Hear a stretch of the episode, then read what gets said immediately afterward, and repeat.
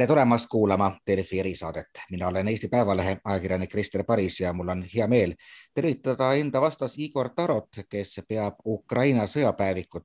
ehkki noh, ma isiklikult isegi usuks, et võib-olla on täpsem öelda, et see pole mitte Ukraina sõda, vaid see on sõda Ukraina vastu ehk siis Venemaa agressiooni sõjapäevikut, aga jätame need terminoloogilised vaidlused kõrvale ja vaataksin nagu otsa sellele, mis praegu juhtunud üldse Ukrainas on. et igal hommikul, ma arvan, et paljud eestlased ärkavad üles teevad lahti esimesed kanalid, vaatavad, mis juhtunud on ja juba õnneks viimasel kahel hommikul järjest on vaatada otsa, et nagu oleks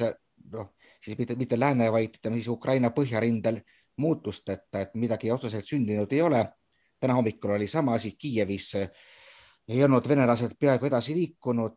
tulid selle, seejärel ärevad teated Harkivist, kus oli Vene sõjaväekolonnik keset linna, no ma ei tea, viimased kaadri, mida ma vaatasin Unianist, küll Ukrainas aita, aga näitasid vähemalt äh, tervet hulka põlenud Vene tehnikat. et mis praegu ikkagi siis sünnib, et kas minu nagu kõhutunne, et venelased on ikkagi takerdunud, vastab ka, ka, ka sinu jaoks tõele? ja vastab küll et äh, tegelikult see kõhutunne või selles osas lootust andvad uudised tekkisid kohe esimesel päeval, kahekümne neljandal kui nad äh, sisse tungisid, sest äh,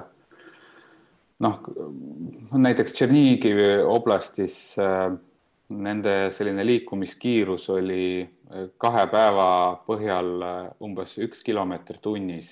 ehk siis nad jõudsid kuskil paarkümmend kilomeetrit üle Valgevene piiri minna. siis nad said esimese vastulöögi siis järgmine päev äh, suutsid veel paarkümmend kilomeetrit edeneda, nüüd nad rohkem sealt edenenud ei ole, et äh, ukrainlased on eilsest alates äh, teinud päris palju selliseid edukaid vasturünnakuid igal pool, kus venelane on pidama jäänud. siis seal on seda tehnikat päris kõvasti hävitatud ja tegelikult täna võiks öelda, et on küll muutusi Kiievi rindel, et äh, viimased uudised olid äh, sellised, et needsamad äh, asulad seal loodes Kiievis, äh, kuhu siis Vene väed välja jõudsid, et neist mõned on venelastest juba vabastatud, et mis puudutab siis seda Hostomeli lennuvälja, et sinna on tulelöögid antud ja ja seal oli üks Irpeni küla on nii-öelda siis Kiievi poole rohkem, kus siis äh, ka sildasid õhku lasti, et äh, sealt peaks Ukraina väed sees olema. ja vähemalt mingites piirkondades ta küll on sees, et ma seda Irpeni videot ennast äh, ka nägin, kus olid ilmselgelt maas lebamas venelaste surnukehad, et noh, jällegi nagu alati valitseb kõike selline sõjaudu ja, ja venelased ju ei informeeri meid üldse sellest, mis seal sünnib, et kuivõrd sa pead kõike seda, mis jõuab äh, Ukraina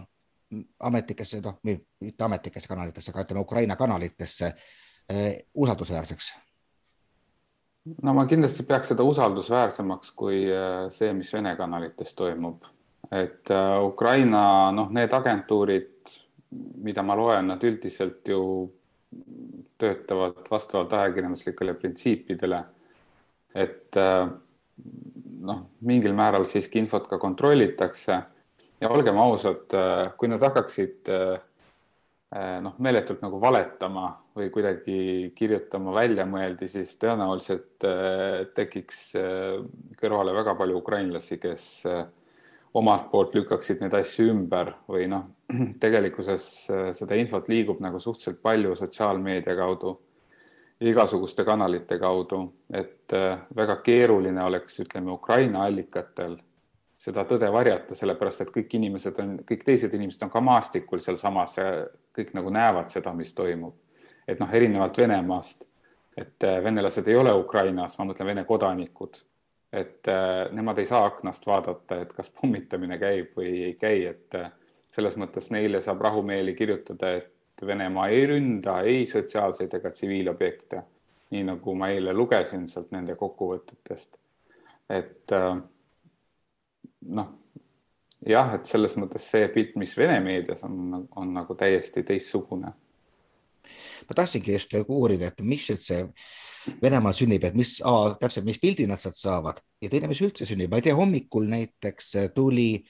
sellised kummalised sõnumid, et äkki siis Vene, see Vene juht Gerassimov on maha võetud ja, ja nii edasi, et kui, kui närvis seal Kremlis praegu ollakse? Ma ei tea, ma arvan, et äh, huumoriga pooleks öeldes äh, eile juba ootasin, et millal tuleb see Hitleri punkri video. Et, et miks meie väed ometi ei edene, et äh, millal see nüüd ära tehakse, et võib-olla see mingi analoogne meeleolu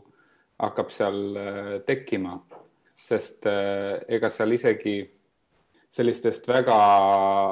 noh, räigetest kanalitest ja tegelastest kusagil ridade vahelt on nagu seda nördimust aeg-ajalt nagu tunda, et asi pidi lõppema, ma ei tea, mõne tunniga, kuue tunniga äkki pidi asi lõppema. Ja nüüd on siis äh, kolm päeva peale tiksub ja ja noh, on infot, et üle kümne päeva neil seal äh, seda hapnikut ja auru nagu väga ei jagu. No ja täna näiteks on ju Venemaal ehm, siis spetsoperatsioonide jõudude päev, kui me nüüd noh, robustselt tõlgime, siis kaks tuhat viisteist loodi nende üksuste auks, kes hõivasid Krimmi, et ma kujutan ette, et vabalt võis olla planeeritud täna Maidanil paraad ka Kiievi vabastamise auks. tuleb siis mälestuspäev neil. täpselt, et. selle asemel. no kui me vaatame nagu Venemaa taktikat mujal, siis on ju noh, igalt poolt kõlab hoiatusi, et ega see ei ole ju kõik, milleks nad võimelised on. Nad on võimelised tegema palju julmemaid asju, meenutame kasvõi Grozneid, mis ka pani vastu, aga kui lõpuks ikkagi linn maha lammutati õhust ja suurtükkidest, siis lõpuks nad said varemete välja endale kätte, et kuivõrd sina kardad, et minnakse üle hoopis julmematele relvadele, et ma ise silma, ütleme noh, Briti kollane leht nagu Daily Mail ütles, et no neil on ju ka vaakumpommid, aga noh, nii palju pole, pole vajagi, lihtsalt eh, tuli peale ja demoraliseerida ukrainlasi läbi tsiviilkaotuste. Ja aga noh, arvestame esiteks nagu konteksti erinevust, et ausalt öeldes nüüd äh, viimasel ajal või viimasel päris tükil ajal, ega Venemaa ei ole konventsionaalset sõda pidanud sellises ulatuses, nagu nad äh, praegu Ukrainas peavad, see on vast ikka teisest maailmasõjast alates äh, esimene kord, kus äh, nad niimoodi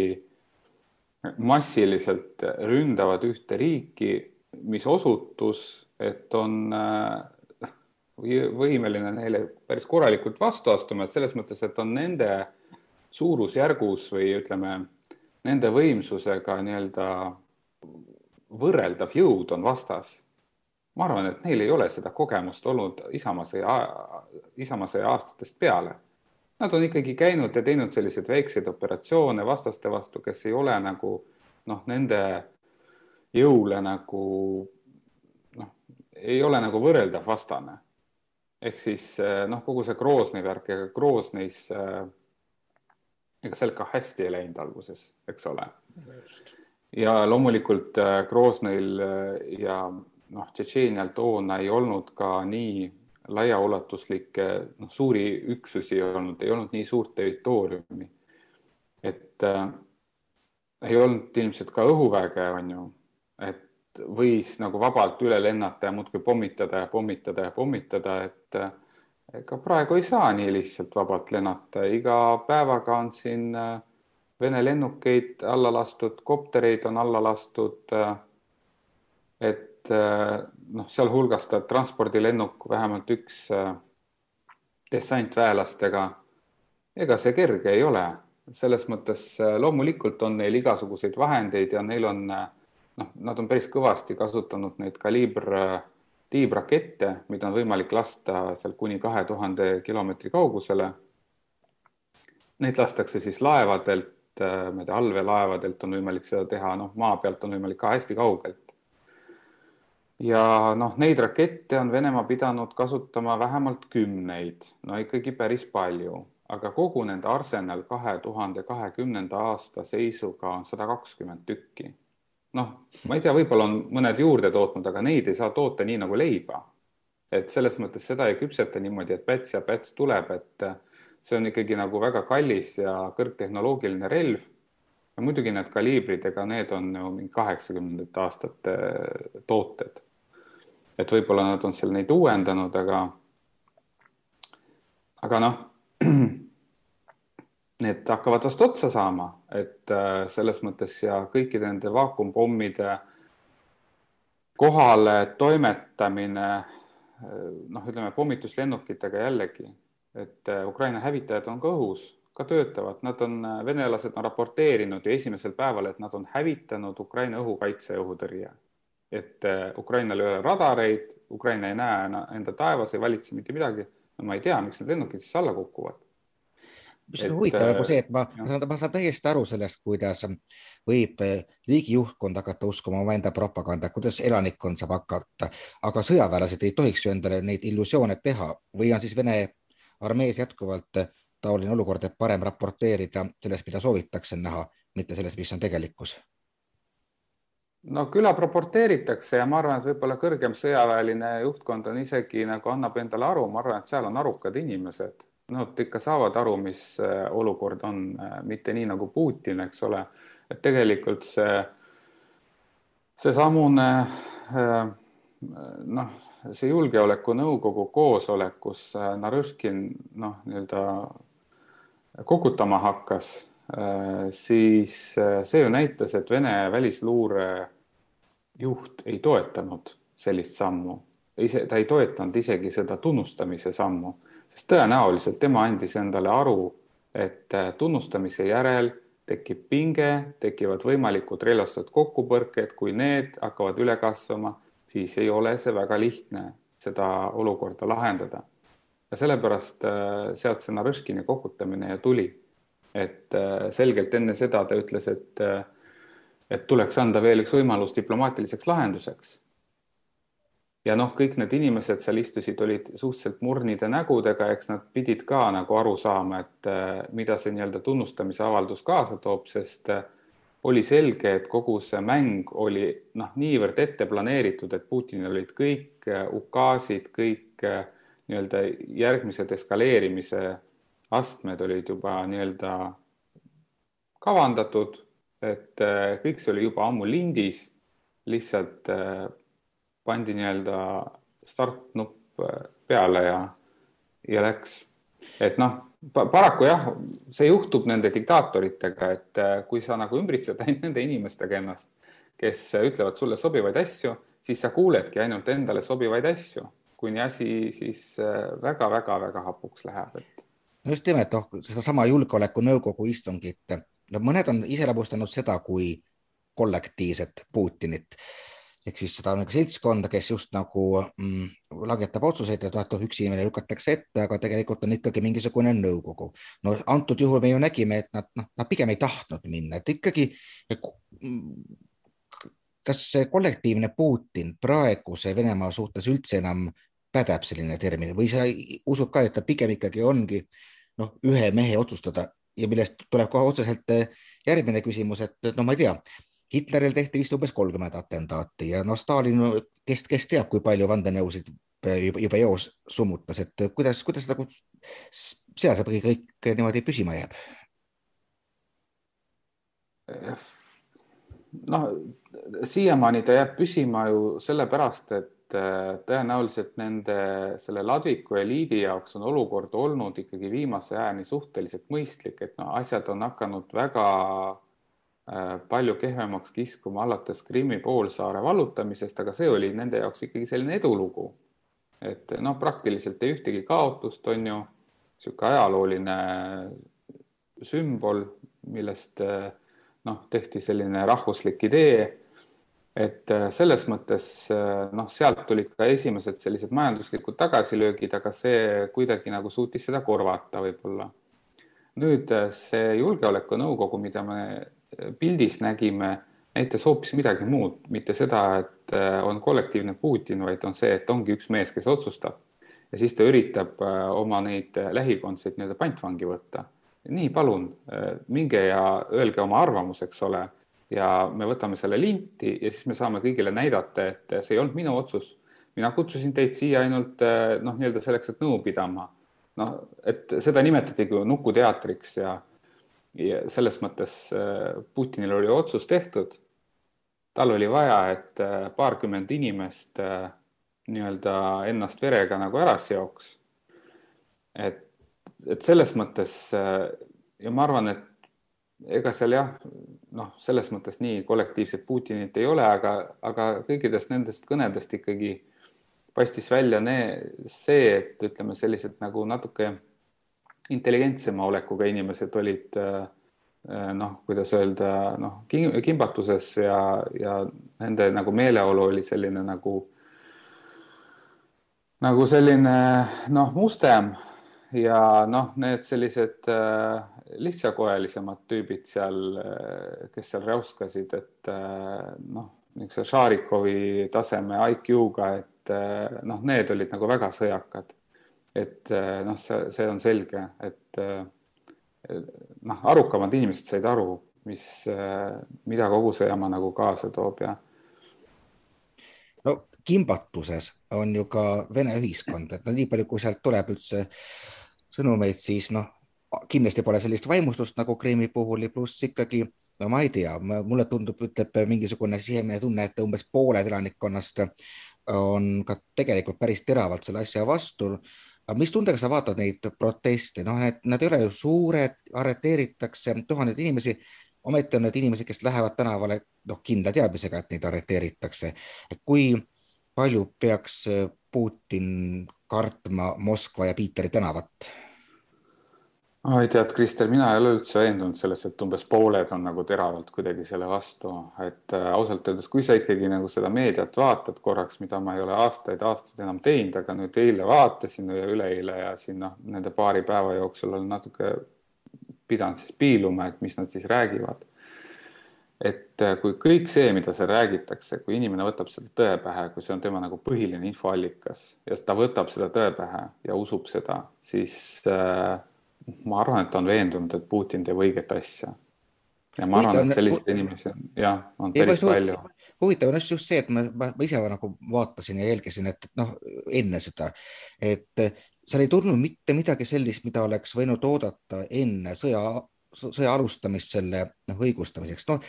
muidugi okei okay,, Ukrainat alandati ja, ja räägiti, kui tugevad me oleme ja aga ma ootasin, ma ei tea, elumaja õhku laskmist Donetskist, mingisugust argumenti või siis või pikemaajalisema kampaaniat, et aga ei, lihtsalt tuli järsku kõne, pikk segane ajalootund ja selle peale õigustus, et nüüd me tunnustame vabariike ja järgmine hetk juba, et denatsifitseerimine ja see käis minu jaoks küll väga-väga kiiresti. kas sa arvad, et Vene ühiskond tegelikult oli hinges kõigeks selleks valmis? ma arvan, et päris paljud mingil määral olid ja et äh, ja, ja noh, ütleme, eks inimene on selline olend, et ta tahab ju kuidagi nagu õigustada ka, et äh, noh, see on juba tõenäoliselt mingi selline kaitsemehhanism nagu vaimse tervise nagu äh, noh, hoidmise mõttes, et, et sa pead nagu kuidagi nagu õigustama enda jaoks asju, mis toimuvad ja teiseks sa pead ka noh, kuidagi nagu mingi positiivse väljavaate või konstruktsiooni endale looma ja ma arvan, et see on päris paljudel venelastel on see kaitsemehhanism praegu selles mõttes nagu peal, et äh, nad püri-, noh, nad püüavad ennast veenda selles, et, et jah, et tegelikult see, mis seal telekas räägitakse, on ju nagu tõde. kuigi nad äh, noh, oma tänavatel ringi käies ja väljas nagu nad võivad aru saada, et kõik see nagu ei ole päris õige, mis räägitakse suurest õitsvast Venemaast aga millegipärast nagu kummalisel kombel nad usuvad palju rohkem seda, mida räägitakse välismaa kohta ja, ja noh, mõtle ise selle peale psühholoogiliselt, et kui sa peaksid nüüd äh, kuidagi mängima selle mõttega, et kõik, mis mulle nagu aastaid on räägitud ja kõik, mida nagu räägitakse praegu, et see on täiesti vale äh,. seda on päris raske nagu vastu võtta ja tegelikult ma arvan, et venelasel on päris raske vastu võtta, saab olema väga keeruline see selle nagu aktsepteerimine, mida Venemaa praegu nagu Ukrainas nagu teeb. noh, ma arvan, et äh, paljud inimesed lähevad lolliks seal selle peale, kui nad saavad aru, et päriselt on Kiievit pommitatud, päriselt on elumajja nagu rakette lastud, lasteaedu, koole, et noh, ongi mindud nagu vennasrahva vastu ja noh, lisaks tulevad need kaotused ka, eks ole, mida siin Ukraina loendab tuhandetes juba. et äh, noh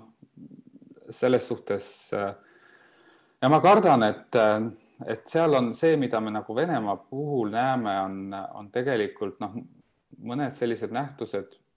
mida oli, millest oli nagu raske aru saada ajalootunnis, kui sa Natsi-Saksamaa kohta nagu õppisid, eks ole, et, et kuidas need sakslased ikka lubasid Hitleril niimoodi toimetada ja miks keegi aru ei saanud, mis toimub ja miks keegi vastu ei hakanud.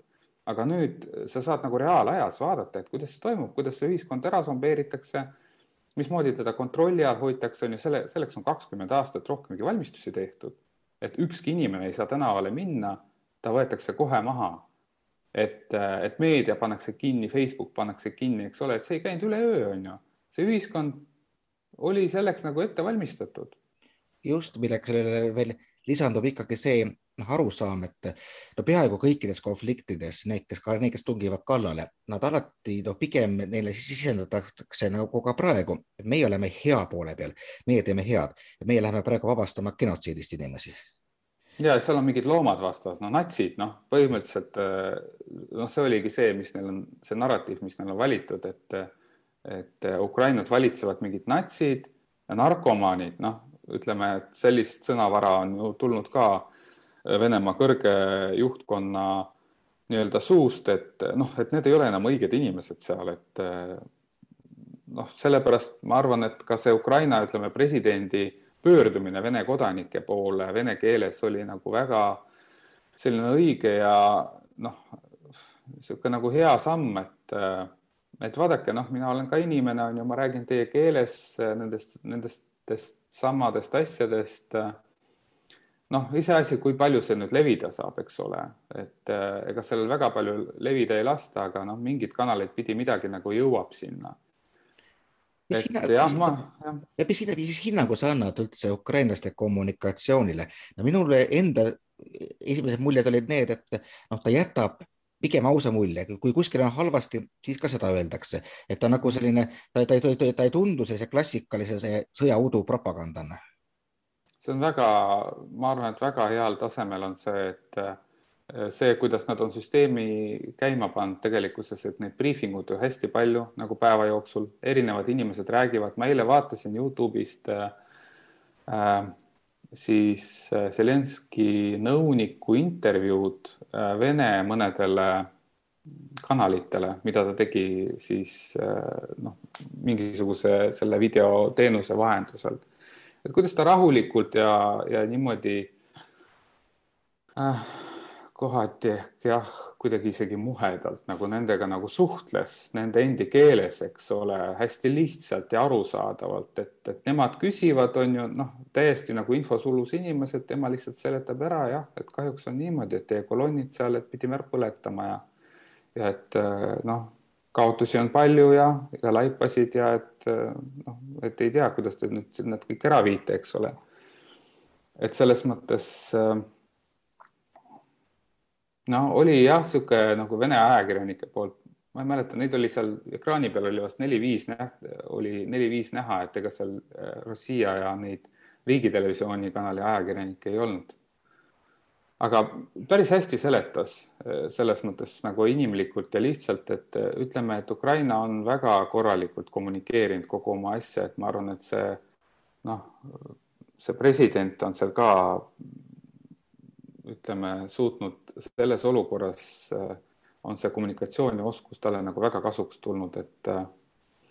et kindlasti on tema selline noh, aktsia on tõusnud nende päevadega. Ei, see on, see on, see on muidugi kahtlemata tõsi, kui vaadata tema neid lühikesi videolõike kuskilt Kiievi tänavatelt, kus ta siis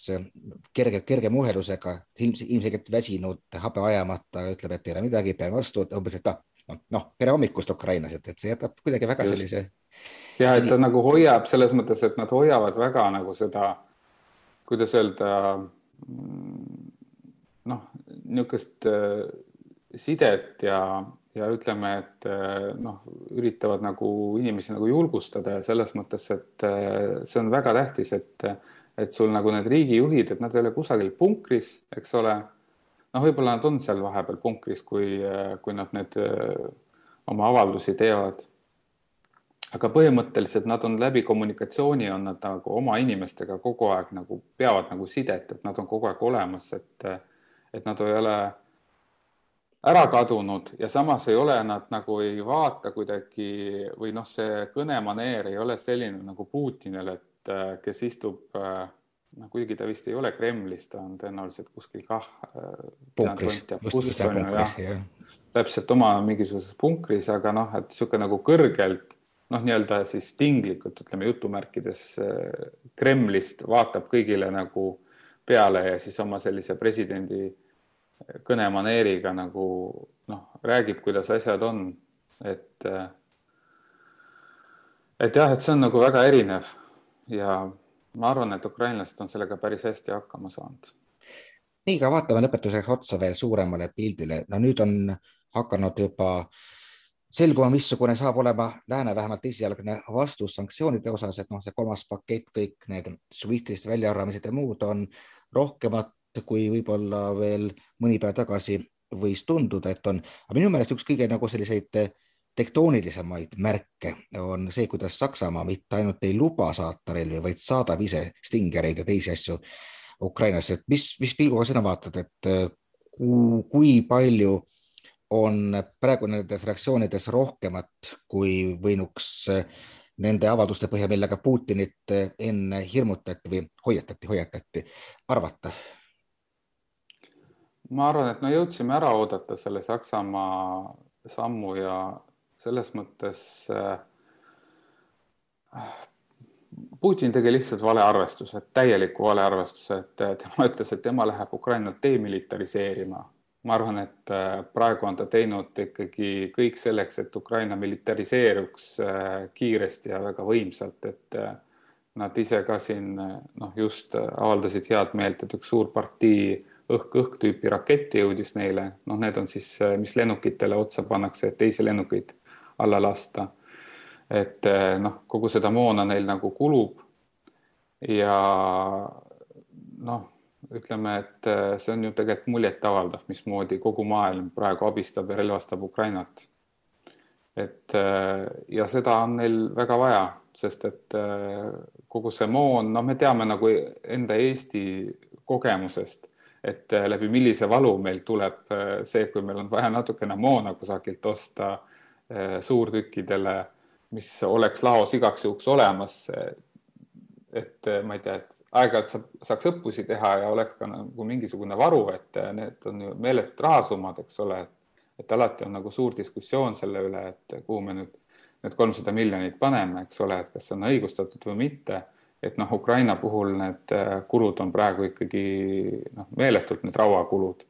et ega see vana rauda minev äh, tank ju seda kuidagi ei, ei hüvita, et see tehnoloogia on nagu hästi kallis. ja noh, mul on see väike kahtlus ka, et võib-olla NATO teeb natuke rohkem, kui uudistest paistab. mille vastu muidugi meil ei saaks midagi olla, et äh, mis olekski nagu väga tore. Ja noh, äh, et et iseenesest äh, noh, on teatud kartusi muidugi veel endiselt, aga Putin keeras nagu selle, keeras selle vindi üle tegelikult noh, et äh, oleks ta jäänud seal oma nende rahvavabariikide tasandile,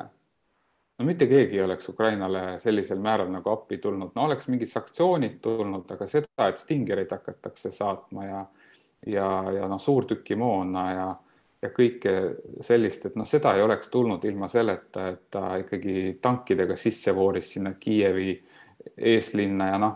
et võib-olla siin tuleks ka ära seletada, et noh, meil siin inimesed, enda Eesti inimesed ka Facebookis siin eelmistel päevadel nagu päris palju on kritiseeritud ja seda NATO-t kuidagi ja lääneliitlasi võib-olla natuke nagu noh, hurjutatud, miks te midagi ei tee, eks ole. Aga see reaktsioon võtabki natuke aega, et nad pidid selle ära nägema et, et kuidas tankid jõuavad Kiievi alla, kuidas elumaja saab raketitabamuse, eks ole, et, et mis siis tegelikult toimub, et Ukraina on ka võimeline, võimeline vastu panema, sa ei saa ju relvi anda sellisesse kohta, kus antakse ära otse venelastele. täpselt, täpselt, et selles mõttes noh, ütleme, et see noh, Gruusia natukene halb kogemus see kaks tuhat kaheksa, eks ole, et nad ei olnud seal nii valmis. Nad ei olnud noh, kuidagi nii motiveeritud, on ju, et, et seal nagu juhtus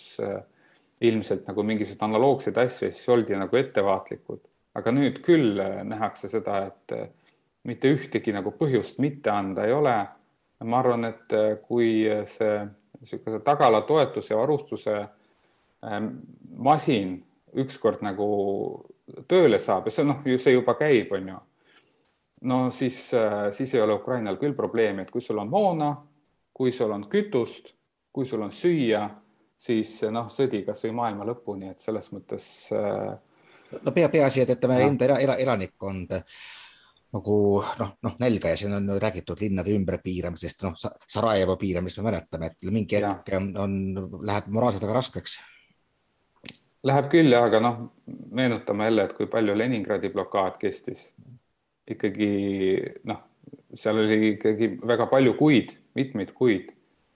et äh, minu vanatädi elas selle üle ja tegelikult oli noh, täiesti uskumatu, ma eile mõtlesin, et need asjad, mida tema aastal tuhat üheksasada seitseteist sündinuna nagu jutustas mulle väiksena, et äh, kõik need õudused, et kuidas nad metroosse, eks ole, varjusid ja ja kui käisime tal külas, siis ta noh, siis ta kõik näitas seda, et näed metroo, et me läheme siin maa alla, onju, et meil olid siin nagu need pommivarjendid ja nii. et noh, kõik see toimub praegu. ja, ja siis see Vene sõdur on see selles nii-öelda selles sakslase, tingliku sakslase rollis on ju toona, mis oli toona kaheksakümmend aastat tagasi. et noh, et äh, Leningradi blokaad oli mitu kuud, aga siin, siin on alles olnud nagu mitu äh,, mitu päeva ja siin ei ole veel kusagil ühegi blokaadi sarnast asja ja ma arvan, et ei olegi vene, venelasel enam seda, seda võhma ja seda jõudu, et äh, kui, kui ikka juba uudistest loeme, et seal äh, Kiievi loode suunal on kolmsada viiskümmend ühikut tehnikat kuskil kolonnis, ma arvan, et ei lähe väga palju aega, kui see tehnika muutub noh, selliseks vanametalliks. ei no muidugi ja kui me mõtleme ikkagi selle peale, et noh kakssada tuhat meest. kakssada tuhat meest ei ole võrreldav ju teise maailmasõja armeedega, et kui tahta mingit territooriumi kontrollida. aga mis sa arvad, võtame asja üldse jutu kokku, et noh, siin me oleme ka arutanud, et, et kuidas võiks lääs veel vastata, no Eesti, pani kinni õhuruumi, põhimõtteliselt võib panna ümber Venemaa kinni õhuruumi, nii et ei pääse ka isegi Kaliningradi sisse. mingi hetk see tek võib tekitada eh, ennast nurka maalinud Putinis väga ootamatuid reaktsioone, et kas ikkagi jätta mingisugust hingamisruumi ikkagi ka talle? Äh, ma arvan, et praegu ei peaks talle mingit hingamisruumi jätma, et selleks, et ta ikkagi sealt tagasi tõmbuks, peaks tema hapnikku täiesti kinni keerama. Äh, noh, küsimus on selles, et, et kuidas seda teha nagu arukalt. et äh, ega siis Ukraina kohal lennukeelutsooni kehtestamine ei pea käima mingite väga suurejooneliste avalduste saatel, et et äh, Ukrainal on õhuvägi olemas iseenesest ja kes siis nüüd teab, et äh, kes need Vene lennukid seal alla lasi, eks ole. et äh, nii nagu venelased on seda rakendanud, öelnud, väitnud siis aastal kaks tuhat neliteist, eks ole, seal suve lõpus, kui nad tegid seda vastupealetungi, noh, ukrainlased oleks ju need territooriumid kõik ära võtnud, siis nemad väitsid, et oh, need mingid rahvamalevalased on ju, sõdivad seal ja, ja partisanid. et noh, võimalik, et äh, NATO võiks võtta ka mingiks ajaks nagu sellise retoorika, et Ukraina sõdib väga hästi, et, äh, et noh, me ei tea midagi, võib-olla mingid nähtamatud F kolmekümne viied on kusagil taevas, et kes, äh, kes seal nagu noh, appi tulevad. ja see see, ja see, see, see, see, see, see mõte, see mõte on nendest äh, rohelistest õhukaitse rahvamalevlastest või partisanidest äh, on, on üks meele, meeleolukas mõte ja võib-olla isegi ka täiesti tõsiselt kaalutav mõte, millega praegune jutuajamine kokku tõmmata. aitäh Igor Tarole, mina olen Krister Paris Eesti Päevalehest ja jälle kuulmiseni siis uutes erisaadetes